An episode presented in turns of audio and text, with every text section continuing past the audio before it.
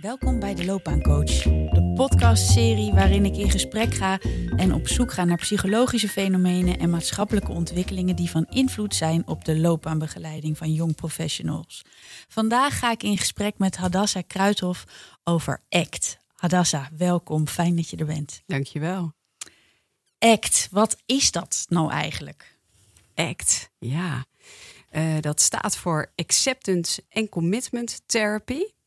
Uh, en dat is een, een nieuwe stroming in de gedragstherapie, die ervan uitgaat dat gedachten hè, niet zozeer veranderbaar zijn, maar dat het er veel meer van uitgaat dat je leert te experimenteren. En dat doet in je leven wat echt heel belangrijk voor je is, waarbij je uh, leert omgaan met ook lastige gevoelens en lastige gedachten.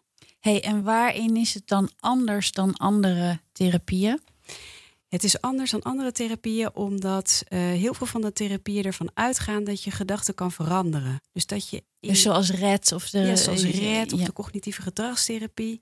Die gaat er heel erg van uit dat je een gedachte hebt, bijvoorbeeld. Uh, ik kan het niet, of ik ben slecht, of ik vind toch nooit een leuke studiekeuze, studie. Er past toch niks bij mij. En dat je dat, kan, uh, dat je dat kan veranderen. Dat je dan kan kijken, is het wel realistisch? Ik maak er een andere gedachte van. Terwijl ik er veel meer van uitgaat van, nou, er zijn nou eenmaal gedachten die je in je leven aangeleerd hebt gekregen en bepaalde gevoelens. Die kan je niet zozeer veranderen, maar je kan er wel op een hele andere manier mee omgaan. Zodat je, en dat is bij studiekeuze natuurlijk heel belangrijk, wel blijft experimenteren. En op zoek blijft gaan naar wat bij jou past. En dat je, nou ja, van alles. En, en is dat dan eigenlijk dus ook de acceptatie dat, uh, of een onderdeel van de acceptatie, dat die gedachten er nu eenmaal zijn? Dat we nou allemaal nou eenmaal af en toe denken: dit kan ik niet, of hier ben ik niet goed in, of ik kan geen wiskunde, of ik kan geen. Dat is in mijn geval. Ik kan geen wiskunde, natuurkunde en scheikunde. Ja, absoluut. Ja, ik heb zelf bijvoorbeeld uh, dat ik kan denken: ik moet anderen niet teleurstellen. Ik moet heel goed doen. Dus je zit hier nu ook. Hè? Ik heb nu tegelijkertijd de gedachte van het moet wel heel goed overkomen. En iedereen moet het heel goed uh, uh, begrijpen als hij het aan het luisteren is. Terwijl als ik dat heel hard ga denken en er helemaal in opgaan, dan komt dat mijn prestatie eigenlijk helemaal niet ten goede. Terwijl ik ook kan denken, nee, dat is gewoon gedachte. Die gaat ja. weer voorbij. Dus die hoort er gewoon, die bij. Hoort er gewoon bij. Nou, welkom alle gedachten. En ja. eigenlijk brengt het ons al een beetje bij een eerste hele belangrijke component hè, van ACT. Want misschien is dat leuk voor de luisteraar om eventjes te weten welke, uh, uh, welke componenten kent ACT en besteedt die aandacht aan. Zou je die willen afgaan eventjes? Ja, zeker wil ik dat. Um, ja, dit is inderdaad een, uh, een hele belangrijke. Die gaat uit van acceptatie. Dus accepteren dat lastige gevoelens en lastige gedachten er nou eenmaal bij horen. Kunnen we dat nog in deze tijd? Nou, dat is best lastig, hè? Ja. Want we zijn zo gewend om naar het geluk te gaan en alles moet leuk zijn, alles moet mooi zijn, positief denken. Dus dat is, dat is gewoon überhaupt al lastig om, om een soort van basisacceptatie te hebben. Dat het leven, leven ook niet altijd leuk is. Hé, jammer. Jammer. Ja, ja. ja dus, dus dat is eigenlijk de basis. Dat de acceptatie. De basis. Er is in het leven ook pijn, verdriet, ja. tegenslag. Tegenslag, teleurstellingen. Teleur. En die ga je ook sowieso tegenkomen wanneer je natuurlijk met je eerste baan begint. Nou, al op school hebben we van allerlei teleurstellingen. We worden niet uitgenodigd voor het feestje waar we eigenlijk wel willen komen. Uh, we hadden zo hard geleerd en toch halen we een onvoldoende. Uh, dus je ziet eigenlijk in het hele leven dat er teleurstellingen zijn. En daar uh, op een goede manier mee leren omgaan, zonder te veel controle uit te oefenen, dat is de eerste poot. Dat is de eerste poot. Check. Acceptatie. Acceptatie. En je gaat dus in die uh, hele coaching ga je ook kijken van hoe doe je dat nou eigenlijk? Ja. En wat kan je daarin leren? Nou, er is een tweede. Ik had het net ook al over uh, gedachten hè, die zo serieus ja. nemen. Dus wanneer ik de gedachte, ik moet niemand teleurstellen, heel serieus ga nemen, en dan gaat me dat heel erg belemmeren. Dus dan ben ik eigenlijk gefuseerd met die gedachte. Dan is dat ongeveer de waarheid geworden. Of ik kan het toch niet. Nou, dan mm -hmm. zie je al iemand voor je hè, die helemaal naar achteren gaat en zich een beetje klein maakt. En het ja. dan ook echt niet gaat doen. Dus de tweede poot is diffusie. Dus dan word je eigenlijk ga je wat losser met je gedachten om. Maar hoe doe je dat nou? Want ik heb die gedachten nou eenmaal. Ik ben er nou eenmaal niet goed in. Ik word nou eenmaal gestrest van technische apparatuur als het allemaal niet werkt. Of weet ik veel. Nou, dat is, dat is, dan, dat is dan gelijk poot 3. Want eigenlijk hebben al die poten wel met elkaar te maken. Dan ga je naar mindfulness. En in mindfulness, uh, en dat staat eigenlijk een beetje tegenover piekeren, uh, daar leer je heel erg in dat gedachten komen en gaan. Dus bijvoorbeeld, ik kan het niet, zo'n gedachte, die kan op het moment dat je een radio-uitzending maakt, kan die heel aanwezig zijn. Maar misschien als je straks weer een kopje koffie aan het drinken bent, dan is die eigenlijk al lang weer weg. En door mindfulness ga je heel erg uh, meer ervaren in je lijf, wat je voelt, wat er allemaal is. En kom je wat meer uit dat hoofd. Dus dan zie je van, nou, die gedachten die komen, die gaan net als eigenlijk als een soort van wolkjes aan de blauwe hemel. Zo kan je het je voorstellen. Ja, ja, dus dat het, en dat het dus niet is, van, dat het ook heel erg in de hier en nu is. Ja. Dus je bent hier nu en nu is deze gedachte, maar straks is hij misschien gewoon weer voorbij en er gebeurt er weer wat leuks. Ja. Of dan is er weer een leuke gedachte. Ja, dus je neemt hem niet te serieus. Dus niet te gehecht daaraan. Je bent er niet te gehecht, je gaat er eigenlijk wat losser van komen. En dat leer je heel erg bij mindfulness. En bij diffusie horen ook nog wel wat andere opdrachten. Uh, maar de basis is inderdaad mindfulness. En ook om een beetje de gedachten belachelijk te maken. Je zou bijvoorbeeld met ik kan het niet, kan je heel wat grappigs mee doen. Hoe doe je dat dan? Nou, dan kan je bijvoorbeeld uh, op gaan zingen. Ik kan het niet, ik kan het niet, ik kan het niet. En als je dat heel vaak achter elkaar doet, dan is die hele zin van ik kan het niet veel minder heftig. Dus wordt het ineens gek? Ik weet dat ik vroeger als kind wel eens een woord, dat je een woord, dat je ineens denkt, karnemelk. Echt heel raar. Karnemelk, karnemelk, karnemelk. Dat het gewoon de betekenis eigenlijk verliest. Is dat wat dat er klopt, gebeurt? Dat, is helemaal wat het doet. Ja, ja, dus je maakt de betekenis van het woord en eigenlijk de emoties die je er gelijk bij krijgt, die maak je veel losser. Ja. Dus we hebben acceptatie, we hebben diffusie waar verschillende dingen voor mogelijk zijn om los te komen. En mindfulness is daar heel behulpzaam bij. Dan zetten we op drie componenten. Ja, en dan gaan we eigenlijk door naar jezelf als context. Dus wat wij uh, uh, heel erg geneigd zijn om te doen, en dat zie je ook wel bij veel uh, studiekeuzetools, dat we heel veel gaan reflecteren. En dan zijn we eigenlijk bezig om onszelf in vaststaande eigenschappen te zetten. Dus ik ben altijd spontaan. Ik ben altijd slordig. Ik ben... Is dat zo? soms wel, soms wel. Nou, en dat is eigenlijk best belemmerend wanneer je uh, uh, voor een studie gaat kiezen, maar überhaupt in het hele leven. Want heel vaak is het afhankelijk van in welke plek je komt. Ik kan bijvoorbeeld heel spontaan zijn, maar soms heb ik ook zin om lekker op de bank te zitten en alleen maar in mijn boeken me een beetje te verstoppen voor alle mensen. Dus het is heel erg afhankelijk van in welke context ik zit, wat voor gedrag ik laat zien. En bijvoorbeeld bij slordig of lui, hè, sommige mensen zeggen over zichzelf dat ze lui zijn. Uh, maar in het zelf als context leren we eigenlijk uh, uh, leerlingen en studenten om ook te kijken naar de situaties waarin ze helemaal niet lui zijn of waarin ze helemaal niet slordig zijn.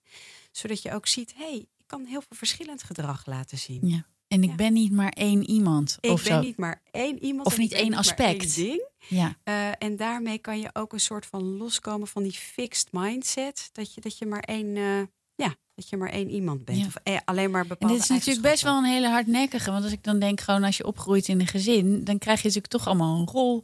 Dus uh, ja, ik was de sociale en de ander was de slimme en de ander was de creatieve. Mm. Nou, daar ga je.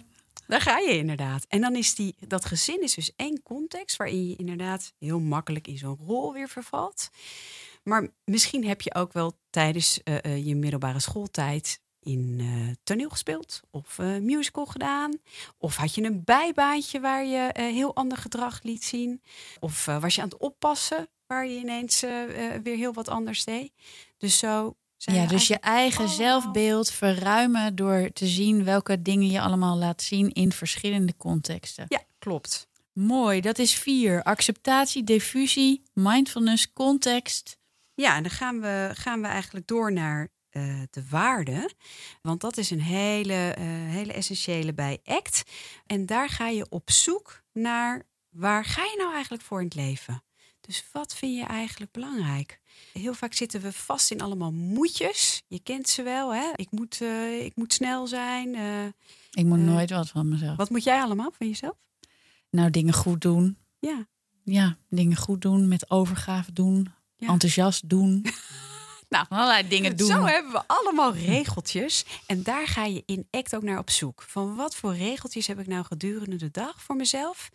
En dat kan je heel erg weerhouden van de dingen doen die je eigenlijk het allerbelangrijkst vindt. Voor mij is dat bijvoorbeeld contact en samenwerking. Eh, natuur vind ik heel belangrijk. Eh, en dan eh, binnen ACT ga, je dan veel meer kijken.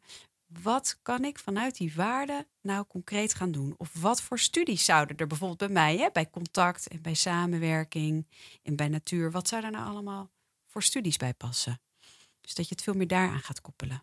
Vanuit je waarde je keuze maken. Vanuit je waarden je keuze maken. En die waarden zijn voor iedereen verschillend. En er zijn allemaal oefeningen voor om dichter bij je waarden te komen. Precies, want hoe ontdek je dat nou als eh, adolescent? Maar misschien komen we daar nog wel later op. Precies. En dan hebben we nog één Ja, dan component, hebben we er hè? eentje over. En dat is eh, toegewijd handelen. En dat is naar aanleiding van je waarden ook stappen gaan maken en acties gaan ondernemen. In plaats van dat je heel veel gaat vermijden. Eh, dus wat we bijvoorbeeld kunnen zien bij studiekiezers, is dat ze hè, kunnen gaan gamen of kunnen gaan uitstellen. Of alles eigenlijk doen om maar niet met die studiekeuze bezig te hoeven zijn en maar niet te hoeven gaan experimenteren. Eh, wat je bij toegewijd handelen leert, is het wel te gaan doen. Ook al is het spannend, ook al heb je vervelende gevoelens, maar wel acties te gaan ondernemen. En dan komen dus eigenlijk ook weer, eh, eh, zit ik nu te denken, komen er ook weer dingen terug. Dus als je toegewijd gaat handelen, dan ga je dus leven naar je waarde. Of dan ga je je waarde eh, opzoeken en daar een passend eh, iets bij zoeken. En tegelijkertijd komt dan ook weer die acceptatie, want dan wordt het dus weer ontzettend spannend. Klopt. Dus hoe, eh, eigenlijk is het mechanisme, hoe spannender, hoe meer je naar je waarde gaat, hoe enger het misschien wel wordt. Ja. Waarom zou je dat dan eigenlijk doen? Ja, waarom zou je dat eigenlijk doen? Wat, wat, wat, wat heeft, wat heeft de, de, de, de, de kiezer en de loopbaanvormgever en de mens daaraan? Nou, die heeft eraan dat hij dichter komt. En dat is even eh, misschien een hele diepe. Maar waar ben je voor op aarde? Ja, Eh, wat wil je hier allemaal eh, gaan bereiken? Eh, hoe kan je zo dicht mogelijk komen bij wie jij zelf bent of wie je wil worden? ja, en wat is het voordeel als je dat doet? Hè? Als je van daaruit kiest, wat, wat is de impact daar dan op je keuzes van?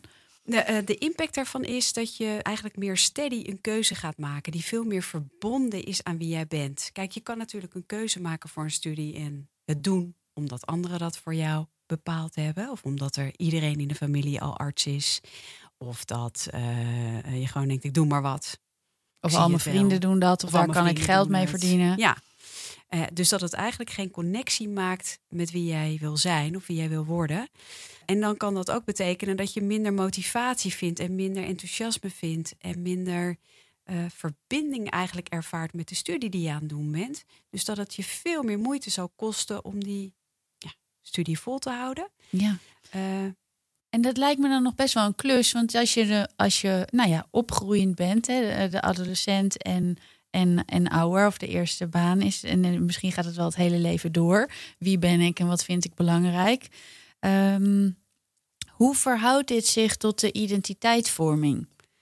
Nou, bij identiteitsvorming hebben we eigenlijk een aantal fases die je kan benoemen. En die niet eh, volgordelijk afgelopen worden.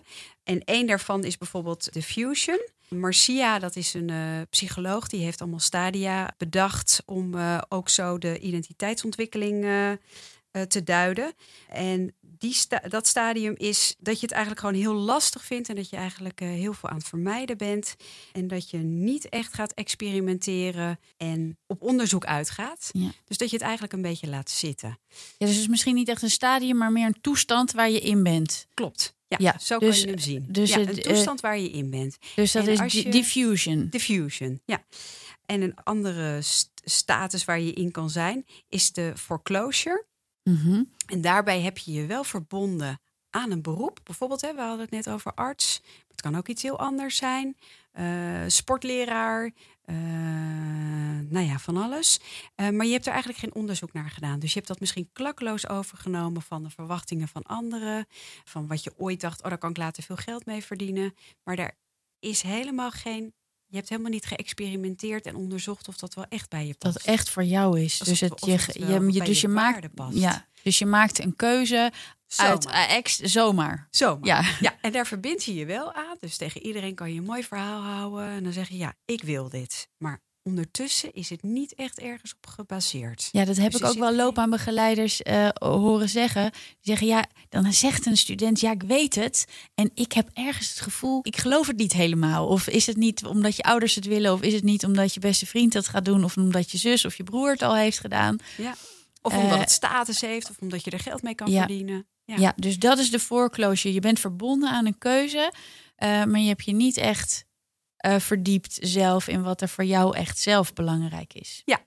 Oké. Dus je bent wel gecommitteerd. En dan is, is een andere, andere status, is de moratorium. Mhm. En dan ben je van alles aan het experimenteren.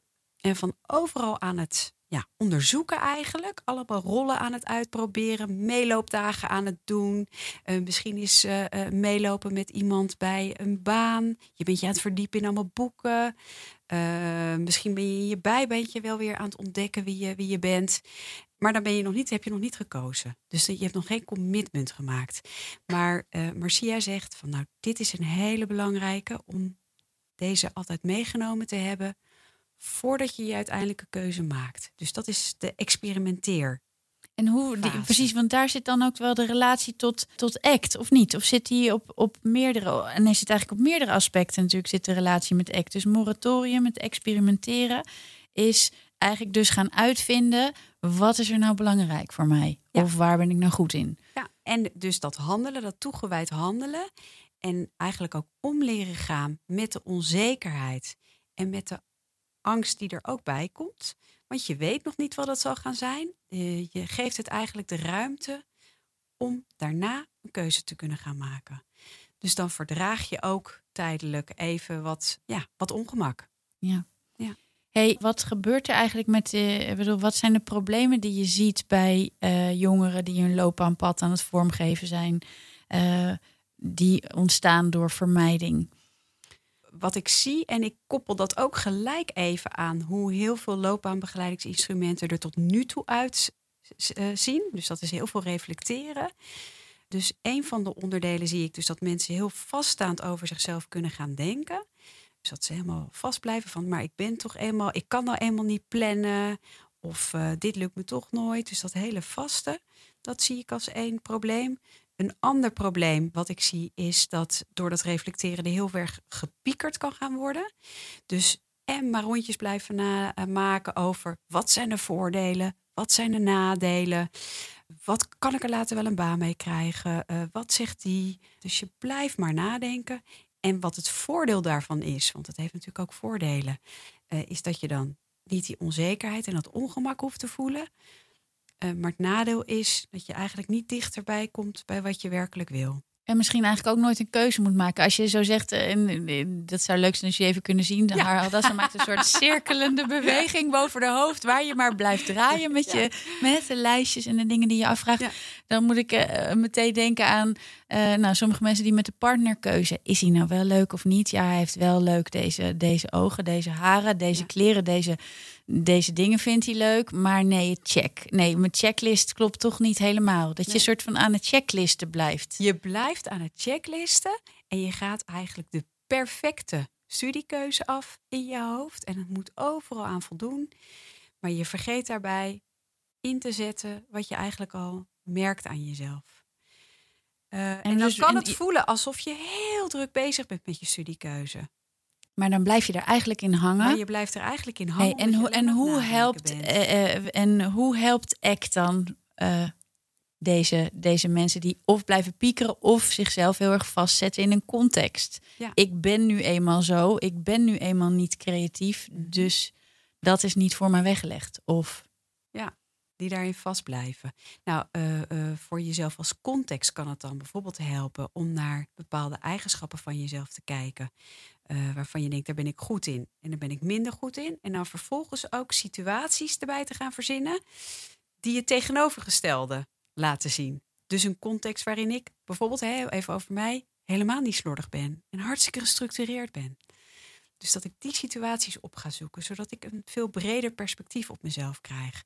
En voor het piekeren helpt mindfulness. En dat is met je aandacht naar je lichaam gaan en daar heel veel uh, mee oefenen. Dus uh, je ademhaling volgen, Ehm, nou, er zijn van allerlei opdrachten voor te vinden. Bijvoorbeeld ook via Headspace. Hè? De, de, luisteraar die, eh, die volgt misschien geen ACT-cursus, maar die kan bijvoorbeeld wel via Headspace tien gratis uh, lessen daarin volgen. En dan leer je al naar dat lichaam te gaan. En dus wat minder dat hoofd serieus te nemen. En zo een beetje weg te komen van de gedachten die je eigenlijk een beetje klem zetten om echt je waarde te voelen. Ja. En daar dichterbij te komen. Ja. Meer in het hier en nu. Klopt. Ja, Jay. Volgens mij zijn we best wel een beetje rond over eh, het uh, in de basis in het act-verhaal, mm -hmm. uh, waar je dus op kan gaan letten. Dus wees gewaarschuwd dat als je meer naar je waarde gaat leven, wordt het allemaal veel spannender en wordt het dus eigenlijk dus ook ja enger en en dan is die acceptatiepoot zo belangrijk, want dan ja, dan heb je werkelijk wat te verliezen. Als het echt belangrijk voor je wordt, dan heb je natuurlijk echt wat te verliezen. Ja, precies. Dus, uh, maar dat te oefenen. Maar als je dan op die manier een keuze hebt gemaakt, zijn keuzes dan ook steadier of, uh, nou ja, beter, waardevoller zou ik willen zeggen? Uh, ga, ja. Zijn er dan minder mensen die switchen? Switchen mensen minder, piekeren mensen minder? Nou, inderdaad, het piekeren wordt sowieso minder. En wat wij ook zagen, want wij hebben een studie keuzetraject gebaseerd op ACT. Uh, hebben wij uitgevoerd uh, op de Hogeschool van Amsterdam. En daar zagen we bij mensen dat ze ook in een andere identiteitsfase terechtkwamen, waar we het in het begin over hadden. Uh, dus dat ze sowieso meer waren gaan experimenteren. En eigenlijk is dat experimenteren en continu dingen over jezelf blijven ontdekken en open blijven staan voor wat bij jou past. Dat is het belangrijkste wat we hier in studenten en leerlingen mee willen geven. Want dit blijf je doen, ook in de studie. Dus een studie is vaak breed en daarbinnen heb je weer allemaal keuzes waarbinnen je toch weer aan het experimenteren bent. En daarna gaat het in die baan niet anders, hè? Nee, precies. Op je werk ook. daarna is het weer niet anders. Ja. Hadassa Kruithof, uh, psycholoog uh, en werkend aan de Hogeschool van Amsterdam. Ik dank je heel erg hartelijk dat je met mij dit experiment wilde aangaan voor deze podcast in de studio. Dit was de podcast De Psychologie van Loopbaancoaching van de Jong Professional van de Hogeschool van Amsterdam. En mijn naam is Japke Ebbingen. Dag. Dag.